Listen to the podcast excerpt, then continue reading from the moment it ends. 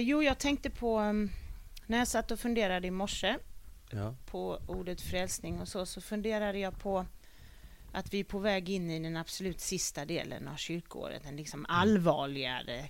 Det är ord som frälsning, domen, Kristi återkomst och så. Ehm, så tänkte jag, men vad skönt, alltså det, det är skönt att den tiden också kommer, därför att livet är faktiskt allvarligt.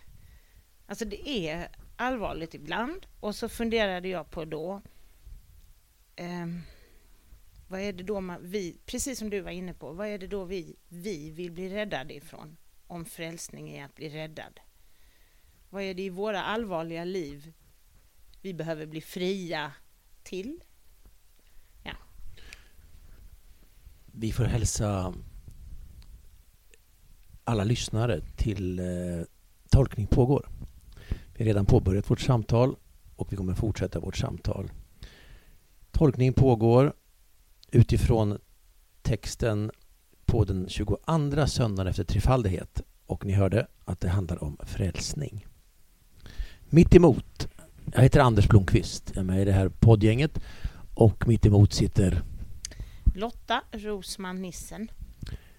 man kan fråga vem är du? Och så får man en, en hel beskrivning. Men kan du kort bara berätta vem du är, vad du gör? Jag är präst i Svenska kyrkan. Jobbar i Sveriges längst ner södraste församling, Källstorp. Men jag är också eh, god vän med dig Anders Mm. Jag är glad för. och har jobbat med dig lite grann. Ja. Ja, Här i Oxie kvinna är jag. Ja. till exempel. Här i Oxie har vi jobbat. Ja. ja. Vi fortsätter vårt samtal men vi kan väl ändå läsa texten också? Jo, jag, jag såg den här bönen också. Vi kan väl börja med den bönen som är för den här söndagen utifrån temat frälsning. Låt oss be. Gud, du är som en fader och en moder för oss och samlar dina barn som hönan samlar kycklingarna under sina vingar. Ge oss ömhet och tröst så att vi håller ut i hoppet. I Jesu namn. Amen. Lotta, vill du läsa tredje årgångens evangelietext? Det är från Johannes evangeliets tolfte kapitel. Det kan jag göra. Jesus sa Ännu en kort tid är ljuset bland er. Vandra medan ni har ljuset så att mörkret inte övervinner er. Den som vandrar i mörkret vet inte vart han går. Tro på ljuset medan ni har ljuset så att ni blir ljusets söner. När Jesus hade sagt detta lämnade han dem och var försvunnen.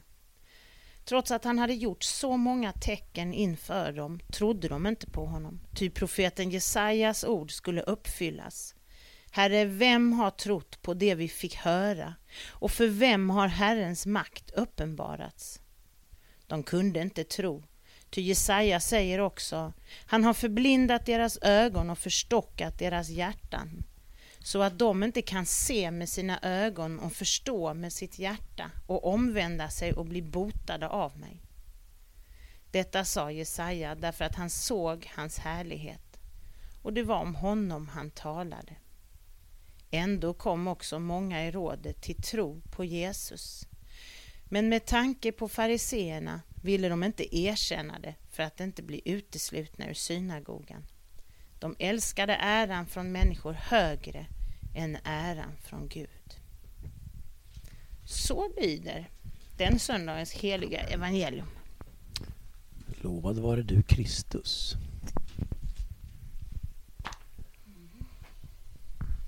Var börjar vi? Lotta? När du läste den här för första gången, Mm. vad fick du för omedelbara tankar? Vilken del av texten och eh, vad var dina grundtankar egentligen? Dels så tycker jag... Ja, dels funderade jag... Jag fastnade i början för att eh, när Jesus talar om sig som ljuset. Jag vet inte, jag funderade lite när jag läste den på att han är lite... det är lite definitivt, alltså ja, jag var tvungen att tänka när är den här texten ifrån? Därför att eftersom han talar om sig att ljuset är inte kvar så länge hos er. Annars brukar Jesus, tycker jag, använda ljuset som en bild för Guds ständiga närvaro. Liksom. Så jag var tvungen att kolla lite vad, vad det var för sammanhang. Um, och så tog det ett tag innan jag fattade att det nog inte lärjungarna han pratade med. Sådär. Så det fastnade jag först för och sen så tänkte jag också på det här med att en del kom till tro i hemlighet. Mhm. Och så tänker jag att det är ju jättemånga av oss även idag som tror lite i hemlighet. Liksom, ja. Ja, de här personerna som var lite, ska vi säga, blyga för att sen kunna säga, erkänna att de var troende. För att fariséerna satt där som en slags eh, högre makt, att de kunde bli uteslutna ur synagogan, för de ville vara med i synagogan ju. Fortfarande. De älskade äran från människor högre än äran från Gud. Ja, och jag tänker att det är inte så ovanligt att eh, dels möter vi konfirmander som eh, inte hur som helst kan gå hem och säga att jag har hittat en tro, alltså där det, det inte egentligen är så accepterat. Vi tänker att vi lever i en helt fri tid och har rätt till sin tro. Eh, men dels tycker jag jag har märkt hos konfirmander att ibland så får de inte tro ändå riktigt hur de vill. Men sen tänker jag att det är nog många som inte riktigt orkar och vågar stå för, stå för sin tro i vår sekulariserade tid. Mm. Mm. Ord som kommer till mig under en period nu när vi pratar så mycket om reformationens 500-årsminne och så. Det är ju fri och modig, frimodig. Det är någonting som jag skulle vilja ta med mig in i det här kommande året nu med ungdomar, just här i Oxie också. Att vara fria och modiga i sin tro. Väldigt många Oxie-ungdomar här som vi har kan ju jättemycket om det här med Kyrie och Gloria. De delar liv. De vet precis att i mässan har vi Kyrie och då har de Kyriet hemma i sig själva i sina liv. De, de har svårt med proven och mamma har cancer och så. De vet precis vad Herre förbarmare betyder. Och till och med att Bartimaeus var den som först skrek det vid Jerikos port. Det kan de. De är fria där och frimodiga. Men sen att prata om det här med tron, frimodiga i tron, det skulle jag vilja att den här reformationsjubileet går in i del två. Speciellt nu när vi gör ekumeniskt samarbete med katolikerna, den katolska ungdomsgruppen. Vi firade nämligen ett år i tisdags med dem. Eh, och då är de så himla frimodiga i sin tro. För har de en slags, slags auktoritetsbundenhet men det, med vem som ska säga vad de ska tro.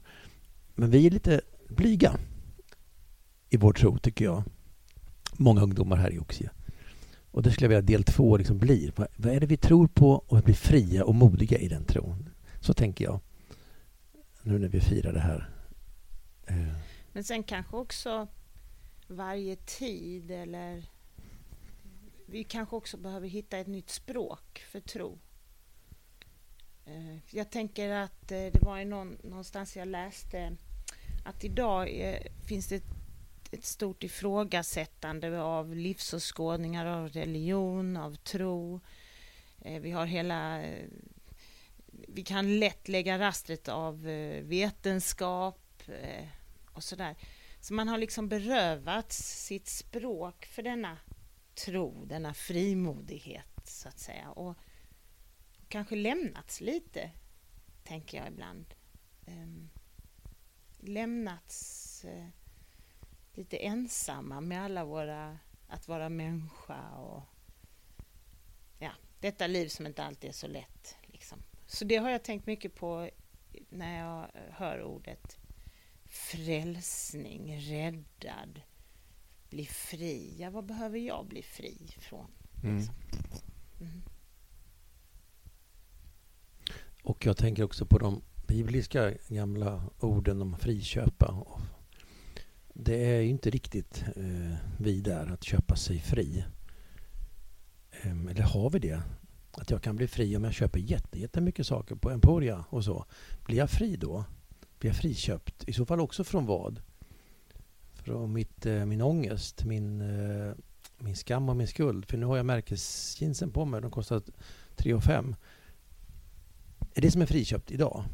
Nej, det tror jag inte. Men de gamla sa att vi är slavar och kan bli frihalsade. Den kan ju visas upp symboliskt, gestalta en gudstjänst nästan så alla förstår.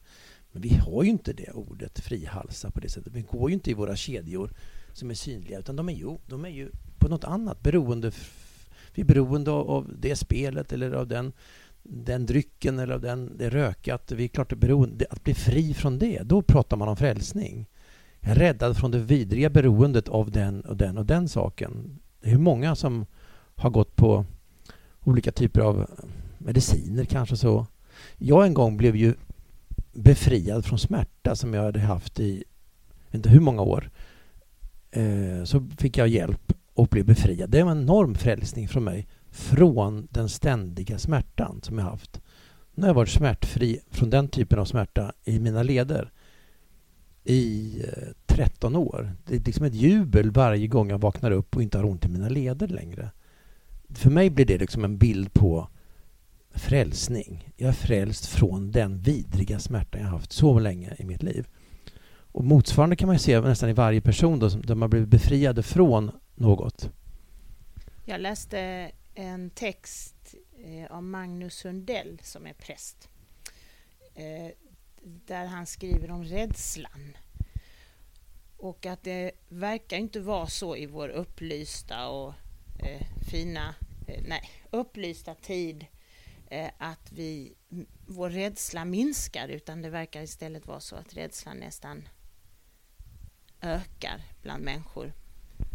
Och då tänker jag att det är kanske det Gud vill hjälpa oss med. Att våga. För Johannes skriver ju här om, eh, om att vandra i ljuset. Och då tänker jag mycket på att, att bli fri från sina rädslor. Gud vill väl hjälpa mig kanske att, att eh, våga lita på livet. Ha en tillit kanske. Mm. Och inte vara och leva så himla rädd. Och då kanske man måste bli fri från eh, att tro att konsumtion är det som gör mig lycklig eller ja, vad det nu kan vara. Men att få vara, leva fri från sin rädsla, det, det tänker jag är kanske min uppgift. Och Om jag närmar mig Gud och min tro så är det kanske den friheten som jag erövrar. Att jag duger som den jag är, liksom, mm. tänker jag. Ja. Det är ju en standardfras i hälsningsseendet bland änglar. Var inte rädd. Jesus säger känn ingen oro. Um, jag tror många känner sig lite oroliga den här tiden också. Kyrkårets slut är väl en sak, men allhelgona. På söndag, när vi sitter här nu så är det både fredag, lördag, söndag så befolkas ju alla kyrkogårdar i Sverige av sörjande och de vill minnas sina kära och nära, sätter ett ljus, blomma och så. Och då tänker jag då rädslan för döden, eh, rädslan för att bli ensam, sorgen som då är kärlek, den kommer inte försvinna om man har förlorat någon när, nära och kära. Den bara förändras och, och förnyas och förvandlas till någonting annat, tror jag. För, men för att sorg är lika med kärlek. Och då tänker jag på min egen rädsla eh, då, den här tiden. Att är jag rädd för döden? Är jag, eh, nej, jag är nog rädd ändå för ensamheten. Eh, döden är, den ska ändå komma till mig. Men ensamheten, om, min, om mina kära kommer, alltså, eh, grym eh, sorg, grym tomhet, grym saknad. Så tänker jag liksom, i den här tiden nu, men många tänker i mörkret och med alla tänder dessa ljus. Koppling till texten då. Att vara kvar i ljuset ännu en kort tid är ljuset bland er. Ljuset är liv för mig. Slocknar ljuset, ja då är det en slags död. Och därför tänder vi massvis med ljus. Man vill vara kvar i livet på dessa kyrkogårdar nu som bara fladdrar. Det är en tolkning av den här texten tycker jag.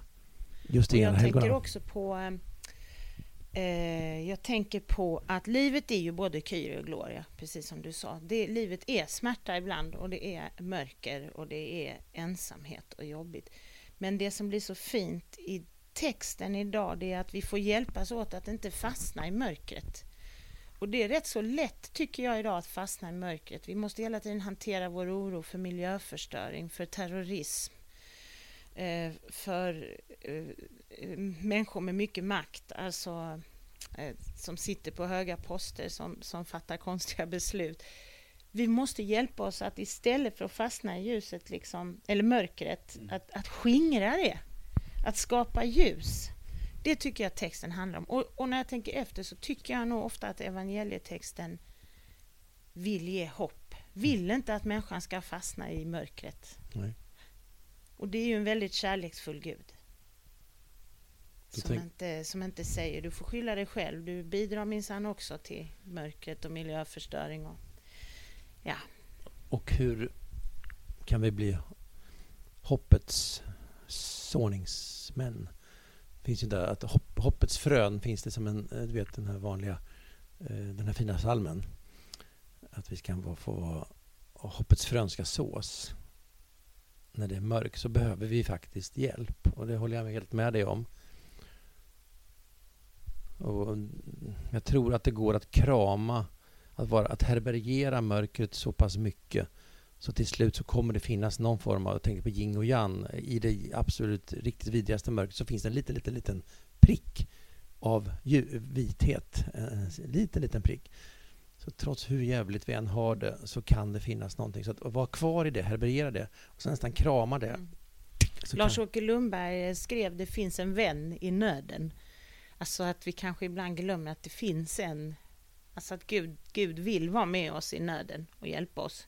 Och så, eh, om jag tänkte det själv eller om han skrev det också i samma text, men vi måste bli bättre på, vi behöver inte anklaga varandra, för det håller vi på så mycket ändå själv. Vi ska istället eh, berätta om hoppet och befrielsen och vi ska hjälpa varandra att, att se ljuset liksom. Att, ja, kanske och det är att frälsa. Och det, är, det ljuset är ju, kan ju komma från olika håll. Mm. Kanske från helt oväntade håll. Antagligen finns väl Gud med där i det oväntade. Jag tänker då på, på den berättelsen jag hade då. Att ha smärta i långt över tio år varje dag. Gick på tunga smärtstillande. Och sen kommer det från ett oväntat håll, nämligen en israelisk judisk kroppsterapeut, en sjukgymnast som jobbar med mig i två år så att jag blir smärtfri. Alltså det, det blir ju ljuset för mig. Den människan, den eh, Ami heter han, som man kan översätta min vän. Men en vän som kommer till mig, jag går till honom och han eh, gör, läker mig i samtal och i övningar och i eh, massage som gör att jag sen blir smärtfri. Det är liksom ett, ett mirakel, ett under. Och det, han, han representerar då ljuset för mig så med Guds hjälp, med böner och allting. Men, men Ami blir en representant för mig av den som kommer från ett oväntat håll. Som skingrar mitt mm, smärtans mörker. Eh, för det dränerar något vansinnigt. Det vet alla som har ont. Det dränerar all kraft och man blir nästan någon annan. Så det här, vi får hjälpas åt att vara ljusets bärare. Mm. Och jag funderar på för när, när det blev, eh, jag vet inte om det är att byta spår lite, men jag tror Varsågod. det. Men eh, när jag, när, jag, när jag visste att vi skulle samtala om dagens text och jag såg temat frälsning, tänkte jag också lite, inte kanske hjälp, nu har jag eh, nu har jag fått fundera över ordet frälsning några gånger liksom ordentligt, så det är inte liksom men det är ändå ett ord belastat med mycket bilder för mig.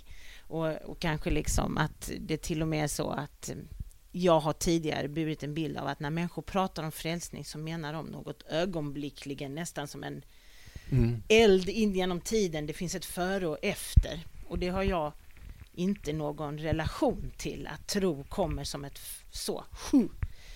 Så gör det säkert för vissa. Men så eh, börjar jag fundera på frälsning, bli fri, eh, att, att våga tro på något. Och att vandra då i ljuset, jag vet inte om jag... Du får sen fråga om du inte får ihop jag menar. Men att vandra i ljuset, det kräver alltid ett första steg. Jag måste ju välja första steget. Och det tänker jag, det kanske är det som frälsning, att våga första steget i tro. Jag har inte alla svar, jag vet inte allt vad jag tror om Gud och så, men att att våga en väg mot den här friheten, det kräver väldigt mycket tillit. Ja, Jag kan hålla med dig. Och jag tänker på den här, du började med den här hemlighetsfulla vandringen som också har tagit kanske första, andra, tredje steget. Men det kommer inte ut. Man kommer inte ut så som det. Jo, för sig själv och tillsammans med den jag tror på, alltså Gud. Eh, men kan det bli ännu mer synligt att komma ut som troende av ett ljusets barn, eh, ljusets söner och döttrar och så. Eh, där är nästa passage i så fall, att erkänna för sig själv om man i smyg ber. Och sen då att i rädsla för att bli utesluten från någon förening, någon grupp, någon, någon gemenskap som de här då var rädda för fariséerna då, att i hemlighet så, så trodde de. Det är nästa steg i så fall, men det är ändå för mig själv erkänna att jag tror. Det är mitt första trosteg.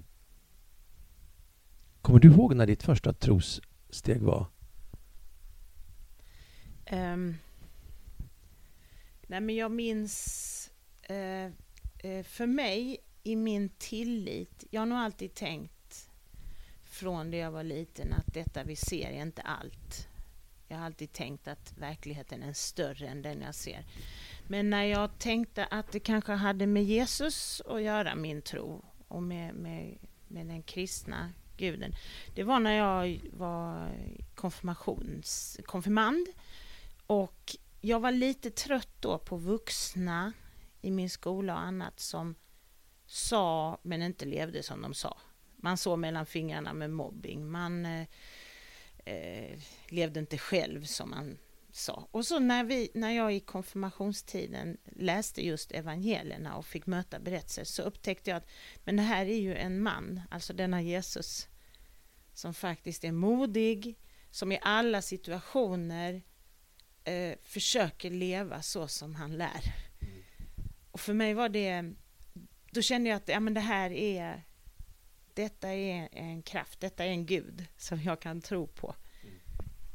Eh, så det var nog mina första steg, men det var inte så dramatiskt för mig. Det var inte så, jag blev jätteglad när jag mötte den gestalten och jag började tänka, så det var inte så här att, men oj, jag har nog snarare senare i livet, ibland när jag tittar upp i universum och tänker hur stort det är och så, då kan jag ibland tänka, men hur kan jag tro?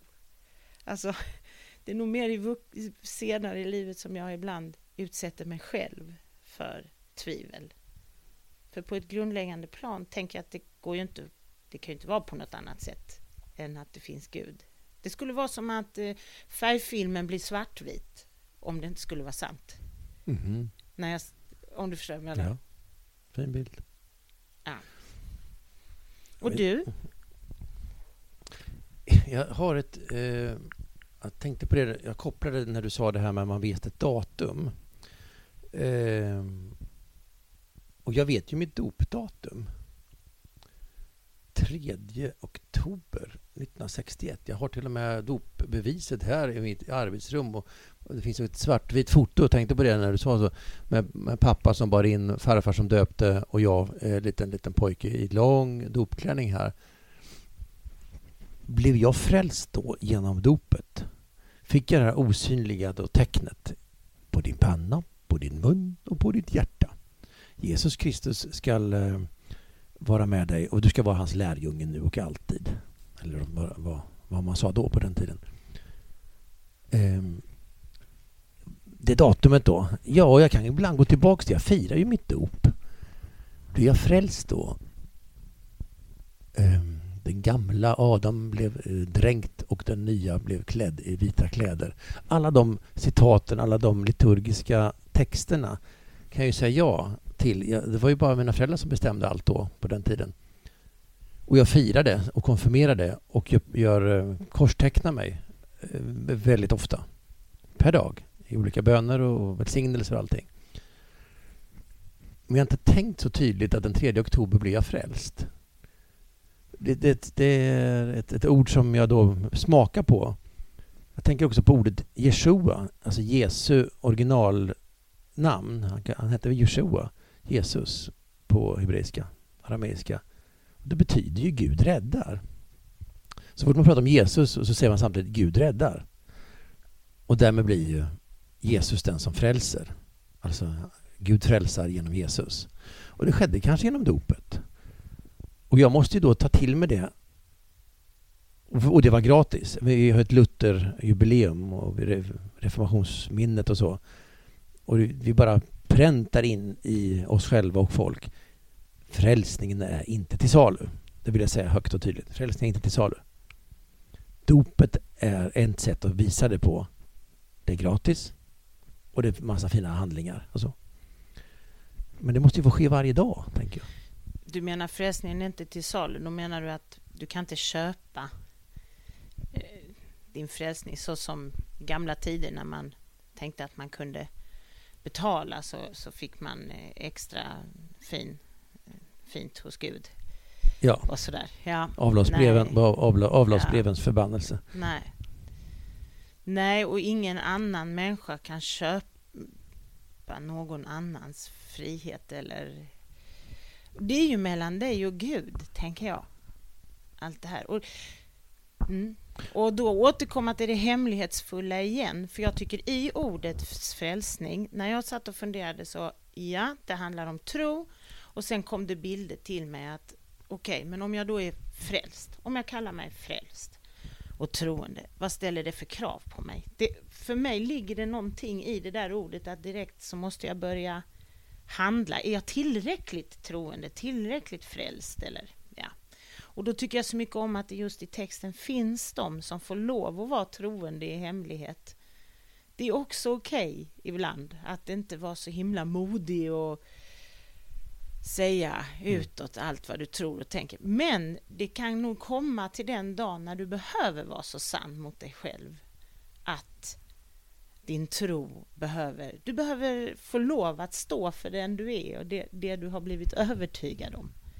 Men det, det kanske inte är tid ännu. Jag vet inte. Men, mm. det, det är en fin tanke.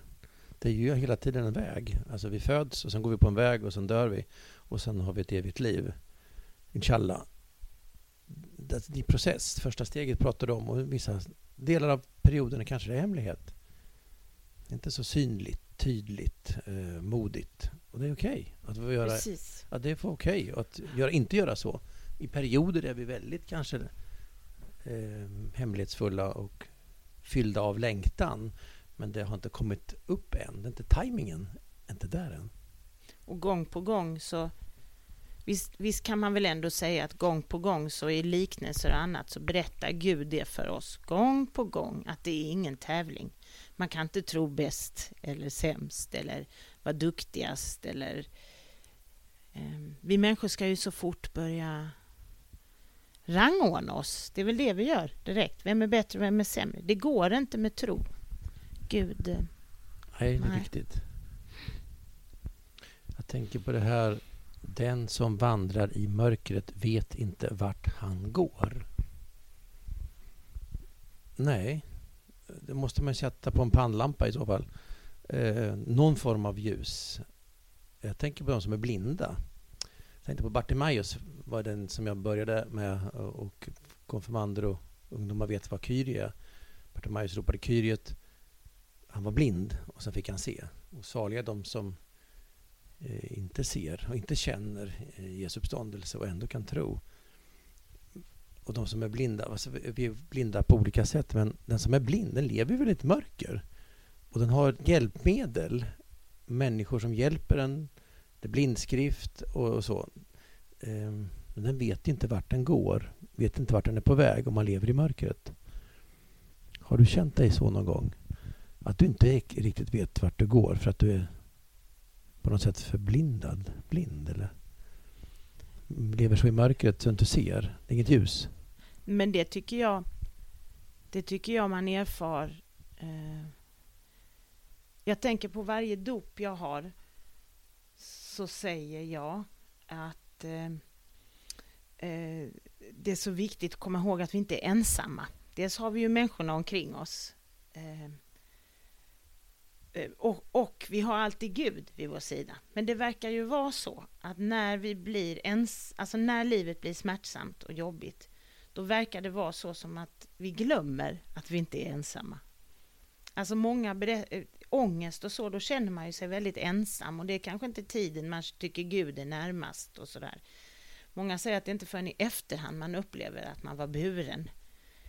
Ehm, så jag tänker att när livet blir ångest och svårt då blir känslan ensamhet och, eh, och mörker är ju en bild för det, tycker jag.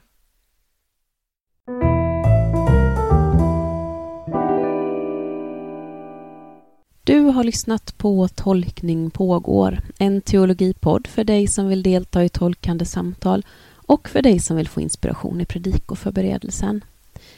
Tack för att du har lyssnat och om du har tyckt om det du har hört så får du hemskt gärna gilla oss på Facebook och dela i dina sociala medier. Lyssna kan du göra på iTunes och Acast och vi har också en hemsida. Där kan du hitta våra, alla våra avsnitt som vi har spelat in tidigare och också de som komma skall. Hemsidan hittar du om du bara söker i valfritt sökfält tolkning pågår så är det det första som kommer upp där. På återhörande.